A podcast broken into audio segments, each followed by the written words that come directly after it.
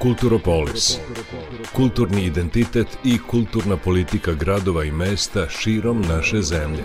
Kako su nekada izgledali, po čemu su danas prepoznatljivi i u kom pravcu će se razvijati u budućnosti. Na proputovanju sa Ivanom Maletin Ćorilić. Dragi slušalci, dobroveče. Moje ime je Ivana Maletin Ćorilić i želim vam dobrodošlicu u još jedno specijalno izdanje emisije Kulturopolis. U duhu praznika nastavljamo sa rekapitulacijom 2022. Početak godine u Novom Sadu, a i šire, obeležila je titula Evropske prestonice kulture. Upravnica Galerije Matice Srpske Tijena Palkoljević-Bugarski podsjeća da je ona Novom Sadu od uvek pripadala – Novi Sad ima taj naziv Srpska Atina još iz 19. veka, kada je zapravo počeo kulturni procvat grada Novog Sada i kada je potpuno promenjena, da kažemo, slika i života u gradu i uopšte snivanja kulturnih ustanova jer e, Matica Srpska kao jedna od najstarijih naših nacionalnih ustanova kulture, nauke i čak možemo reći obrazovanja, jeste osnovana još 1826. godine u Budimpešti. I njeno sedište tamo imalo je sasvim smisla s obzirom da su u Budimu i u Pešti bili situirani Srbi koji su došli nakon velike sobe, ali koji su tamo zajedno sa ostalim, da kažem, manjinskim narodima u okviru Austro-Ugarske emparhije e, se borili za očuvanje svog nacionalnog identiteta, svog jezika, svoje kulture i književnosti. Nadahnuti titulom, istražili smo kako je grof Hadik, u čijem futoškom dvorcu je, kažu, Johan Strauss mlađi komponovao valcer na lepom plavom Dunavu, video futo kao evropski grad i šta određuje njegov kulturni život danas. Kao gradsko naselje na svega 10 km od Novog Sada, Futog je aktivno učestvovao u kreiranju programa Evropske prestonice kulture.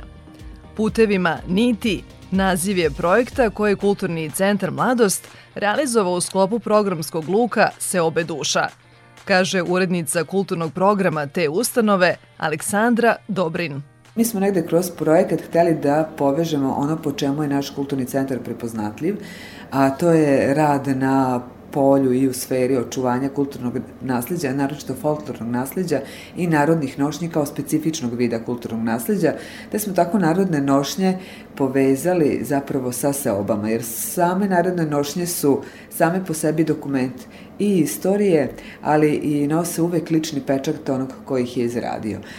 Kada razmišljamo o današnjoj garderobi, ona je proizvod industrije, a nekada je odeća bila proizvod pojedinca. I zapravo u svakom tom komadu narodne nošnje utkana je i duša onog koju je pravio. Projekat Putevima niti proistekao je iz tradicionalnog futoškog festivala Narodne nošnje, nakita i oglavlja – Biserna grana u organizaciji Kulturnog centra. Koncept festivala jedinstven je u našoj zemlji jer u fokus stavlja materijalno folklorno blago kao bitno obeležje kulturnog identiteta svakog naroda. Kroz sama projekat zapravo prikazali smo kako su se obe uticale na promene u odevanju u nekom 18. 19. početkom 20. veka. Da smo tako obuhvatili naravno i vojvođanske nošnje, ali i nošnje iz Hrvatske i taj međusobni uticaj pogranični, srpske nošnje u Slavoniji i nošnje Hrvata šokaca u Vojvodini, to je bila jedna od tema. Potom smo prikazali nošnje koje su nam došle iz Bosne i Hercegovine, Republike Srpske, bila su u pitanju nošnje Sarajevskog polja, naravno nošnje iz Srbije gde se prikazao uticaj sela na grad i grad na selo. I sve su to posetioci mogli da vide u okviru revije nošnje koje je održano u arhivu grada Novog Sada, a u okviru projekta Putevima niti.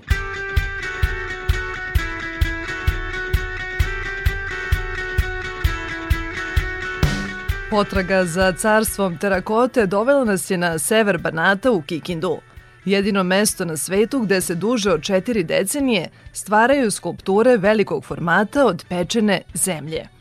Svake godine Kikindu poseti nemali broj vajara iz zemlje i inostranstva, pogotovo u julu, kada se održava tradicionalni internacionalni simpozijum skulpture u terakoti velikog formata Tera. Atelje Tera godinama je edukativna i kreativna baza za studente treće i četvrte godine studija vajarstva na Akademiji umetnosti u Novom Sadu. Kao rezultat uspešne saradnje dve ustanove koje traje duže od 15 godina, nastale su specijalističke studije. Objašnjava vanredni profesor i rukovodilac studentskog programa skulpture u terakoti na Akademiji umetnosti u Novom Sadu, Mirjana Blagojev specijalističke studije da se posle master studija upisuju, tako da, da su to uglavnom e, umetnici već formirani koji imaju neki svoj likovni jezik i na taj način u stvari e, taj svoj jezik prevode u jedan materijal i mislim da je to ono što je važna neka karakteristika ovih studija.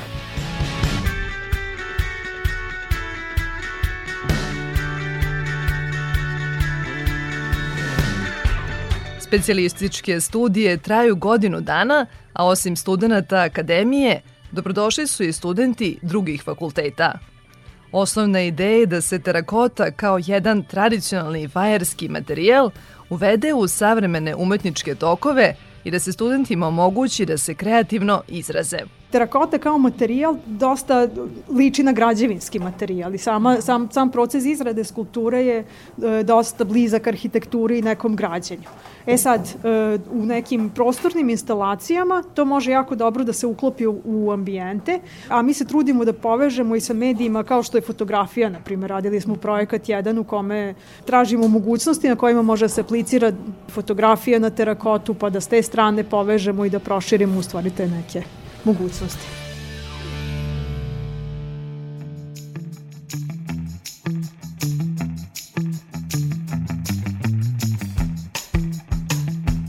Kulturopolis.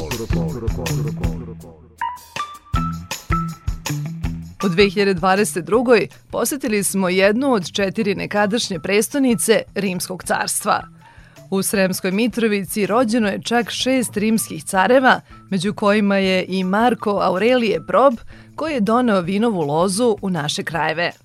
Brendiranju najvećeg grada u Sremu mogao bi da doprinese evropski projekat Arheo Danjub, u koji je Muzej Srema uključen kao partner, kaže muzejska savjetnica Jasmina Davidović.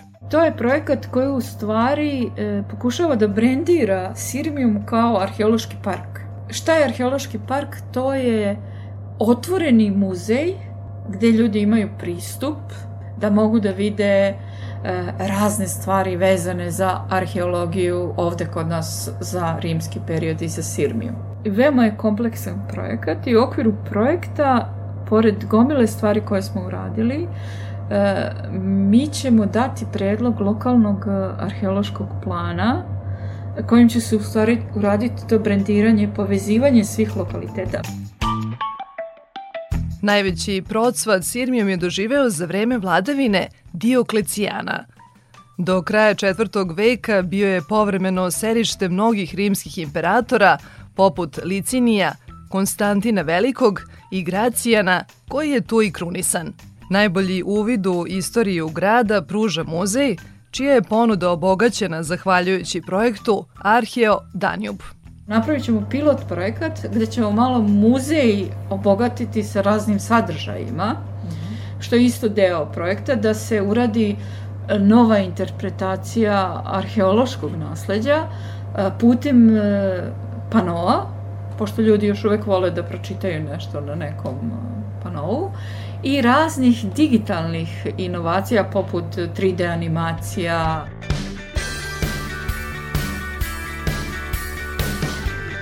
Fijaker stari u zvuke tambure odveo nas je na severozapad Vojvodine u Sombor. Veliki jubilej 55 godina galerije Milan Konjović i 15. stalna postavka Stepenice ka nebu motivisali su nas da uronimo u Konjovićev koloritan i živopisan svet sugestivne snage i stvaralačke energije. Njegov život bio jedna velika avantura. Započinje priču direktorka galerije Milena Rackov-Kovačić.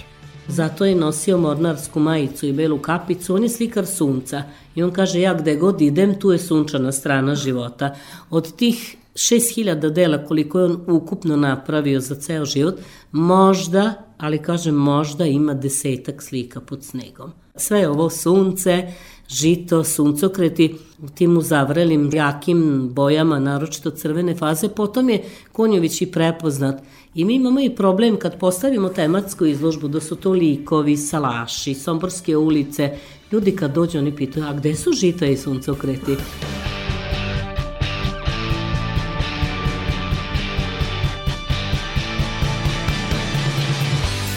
Raznobojne zidove Konjovićeve galerije krasi više od 60 dela u sklopu 15. retrospektivne izložbe Stepenice ka nebu nastale povodom 55 godina od njenog osnivanja.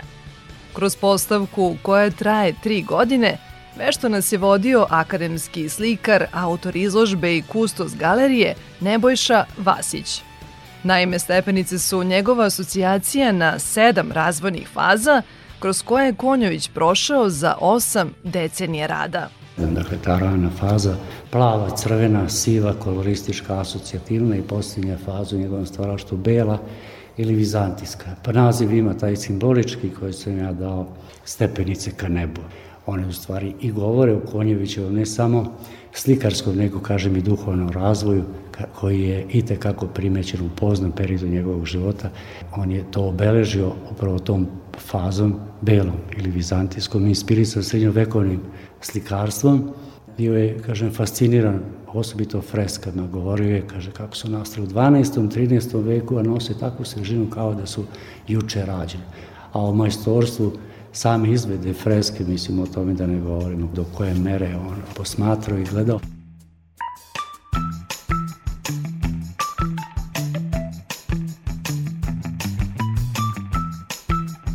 Još jedan velika naše umetničke scene bio je u fokusu u godini za nama.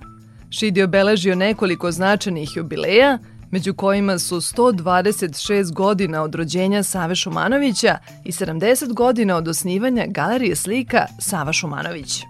Povodom toga, galerija u Šidu bila inicijator tri velike tematske izložbe, objašnjava direktorka galerije Jovana Lakić.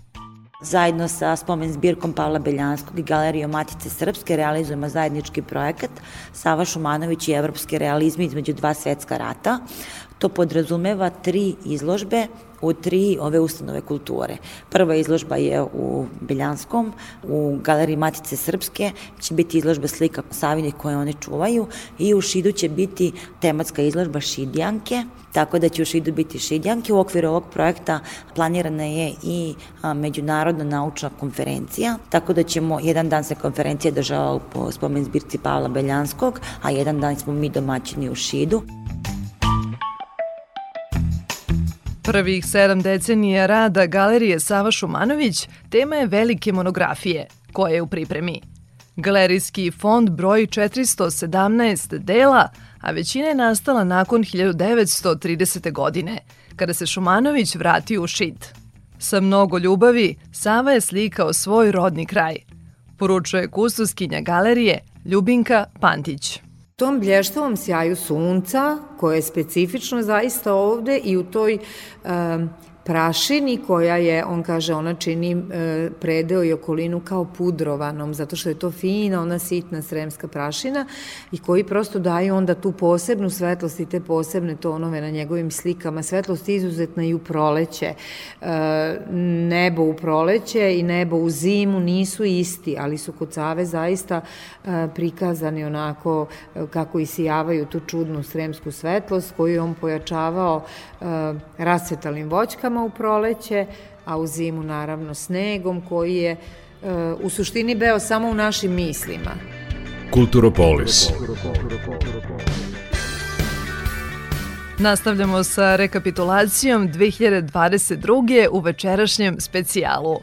U godini za nama posetili smo i Zrenjanin.